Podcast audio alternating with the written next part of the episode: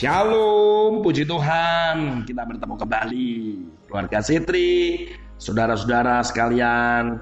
Kita masih masuk di dalam seri khotbah Paskah dalam rangka Minggu Paskah. Kita kali ini akan masuk, saudara, di dalam bacaan yang ada di dalam Markus pasal yang ke-14.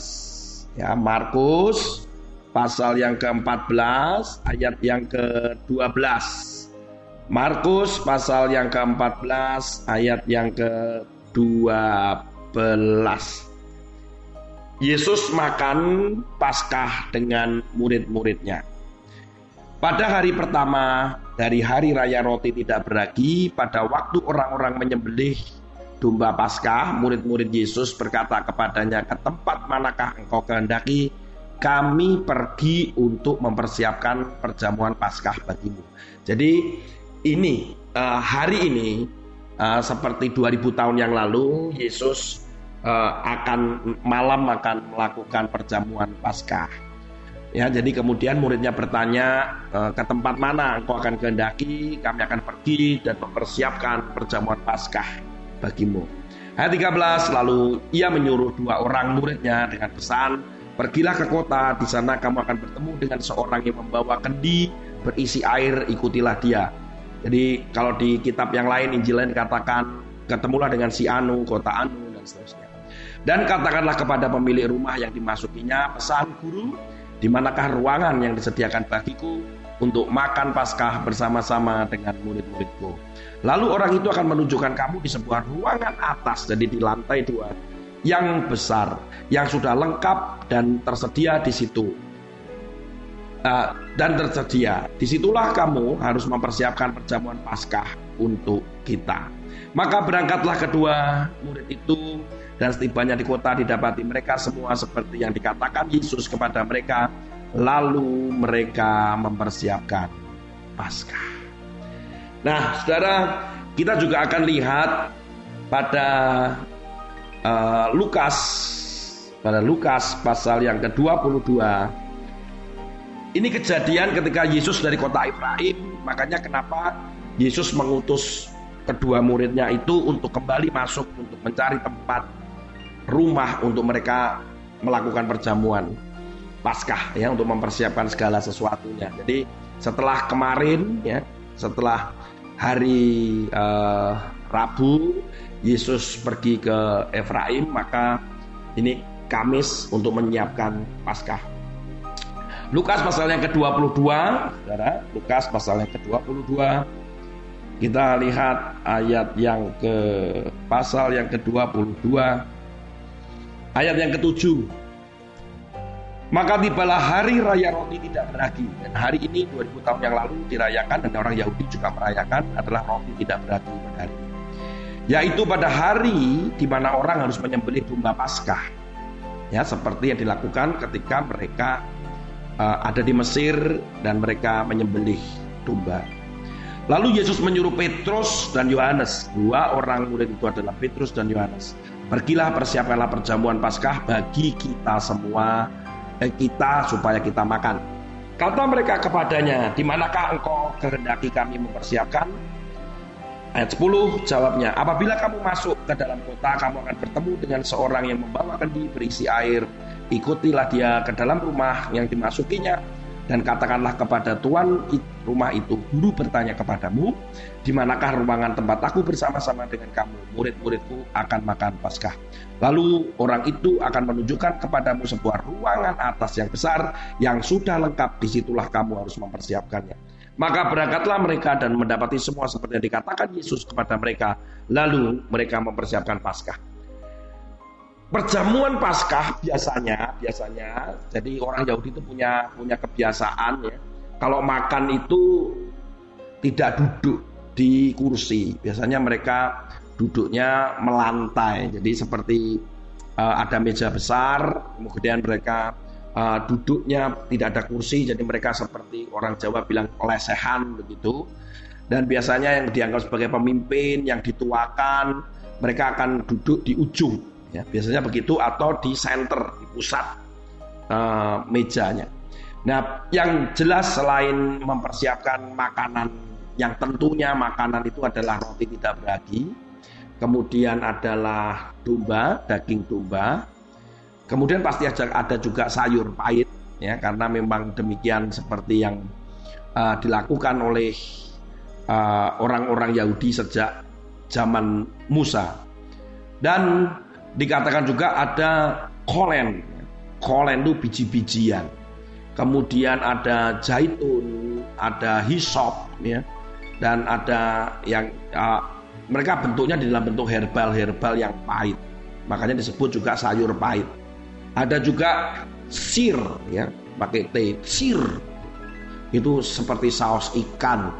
Jadi meka, makanan itu makanan pesta itu seperti pesta besar. Itu sama dengan uh, jadi ini memang perayaan yang luar biasa. Jadi saat Yesus sedang apa namanya sedang bersama-sama dengan mereka untuk makan dan memulai itu. Nah, apa yang mau saya titik beratkan dari uh, kisah ini 2000 tahun yang lalu? Kita ambil dari ayat yang ke-15 dan ayat yang ke-16 dari Lukas pasal 22. Lukas 22 ayat 15 dan ayat 16. Jadi ketika mereka sedang makan bersama-sama, kita lihat mulai ayat 14. Ketika tiba saatnya, Yesus duduk makan bersama-sama dengan rasul-rasulnya. Katanya kepada mereka, Aku sangat rindu makan Paskah ini bersama-sama dengan kamu. Sebelum aku menderita. Sebab Aku berkata kepadamu, aku tidak akan memakannya lagi sampai ia beroleh kegenapannya dalam kerajaan Allah. Dan seterusnya kita lihat bahwa uh, perjamuan itu adalah berbicara tentang uh, kemudian mengambil cawan dan seterusnya. Itu nanti. Tetapi saya mau titik beratkan pada ayat 15 dan 16. Aku sangat rindu. Kata-kata sangat rindu itu adalah rindu yang wah paling dalam sekali.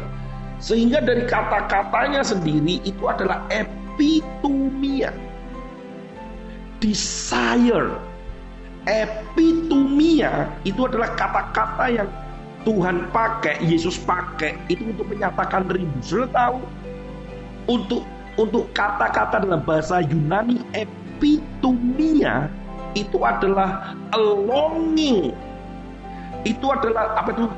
Uh, sebuah kerinduan yang paling dalam di mana itu adalah gairah yang menggebu-gebu lebih ke arah kepada birahi nggak bisa ditahan dikatakan itu adalah gairah yang uh, menggebu dari sebuah cinta yang terlarang. Wan.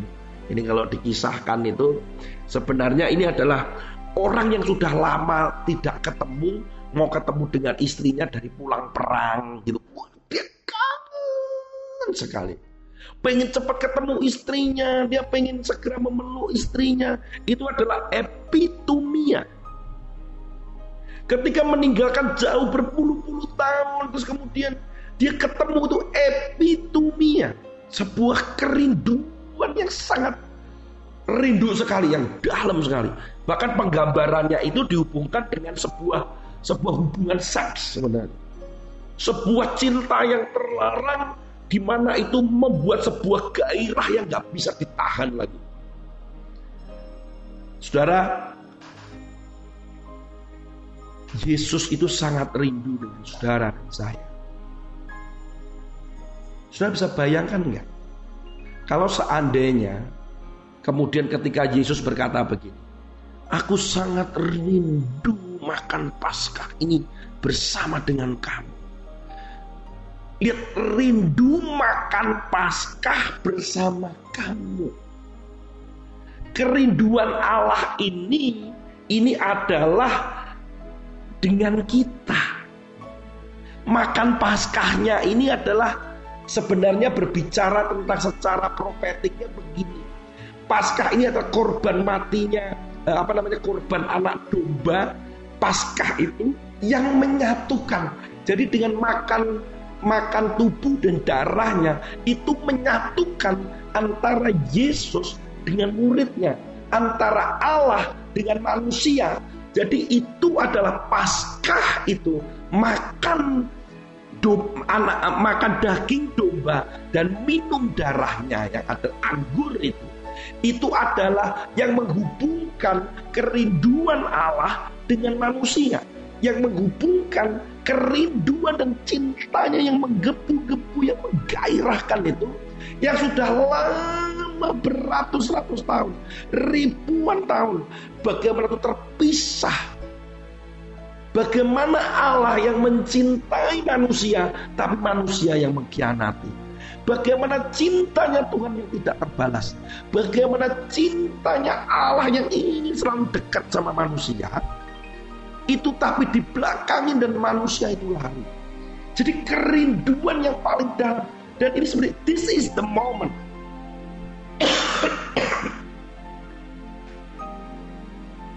this is the moment. Ini waktunya. Coba bayangkan saudara, ketika Yesus berkata begini, aku rindu. Terus kemudian ada muridnya berkata gini, ah udahlah saya pulang aja saya tak makan dengan keluarga saya. Kenapa saya mesti makan di sini? Murid yang satu bisa saja berkata gini, saya pulang. Nah, yang dipercaya sama Yesus cuman Yohanes sama Petrus. Ya. Tapi tadi sama kan Petrus sama Yohanes saja kan yang dipercaya sama Yesus untuk menyiapkan perjamuan Paskah. Kan saya enggak. Ah pulang, sakit hati gue pulang. Ada lagi juga yang mengatakan bahwa ah rindu kayak begitu aja biasa aja lah, gak usah lebay. Itu itu orang yang sudah rindu, sudah kangen. Itu kalau orang bahasa Jerman tuh cegek. Pernah nggak kita ngalami gitu? Nah, rindu sama anak kita gitu ya. Aduh, aku kangen loh sama kamu. Kamu kangen gak sama mama? Anaknya bilang gini, enggak tuh. Waduh, itu rasanya hancur, ya. hancur. Hari ini apa yang mau kita belajar dan saya mau sampaikan? Responi kerinduannya Tuhan. Gairah Tuhan yang menggebu-gebu mencintai saudara. Itu dia melebihi dirinya sendiri. Dia sampai rela bukan kehilangan, tapi dia sampai rela turun. Dia menanggalkan keilahiannya. Dia menjadi manusia yang rentan secara manusianya. Dia yang mengalami sakit dan bisa dia bisa mengalami penderitaan. Itu betapa dia kangen sekali. Kita nih kadang sebagai manusia yang tidak bisa meresponi kangennya Tuhan. Karena kita terlalu sibuk. Kita mencintai yang lain. Kita sedang berkhianat. Padahal dia pengen kita bisa duduk bersama-sama dengan dia. Yang menyatukan itu makanan itu. Yaitu pengorbanan Yesus. Supaya Allah bisa bersama-sama duduk. Menatap wajah kita, mata kita.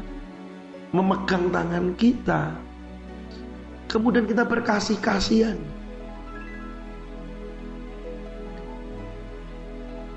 Masihkah saudara bisa meresponi cintanya dia?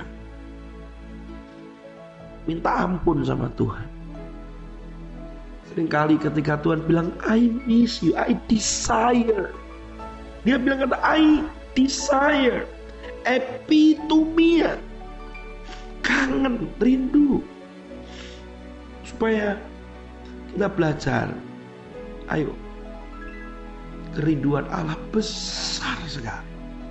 hari-hari ini kita bisa lebih dekat sama dia. Dia rindu, rindu saat teduh, rindu doamu, rindu pujianmu, rindu surat cintanya yang kau baca, yaitu firmannya.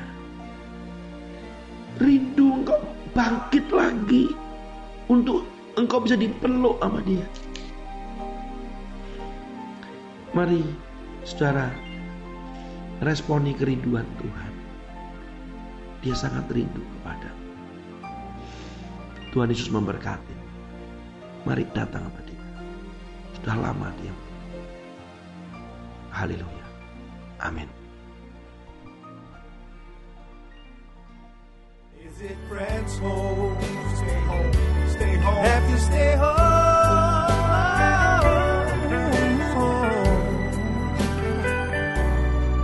Show some love flatten the curve by staying at home. Save a life, stay at home.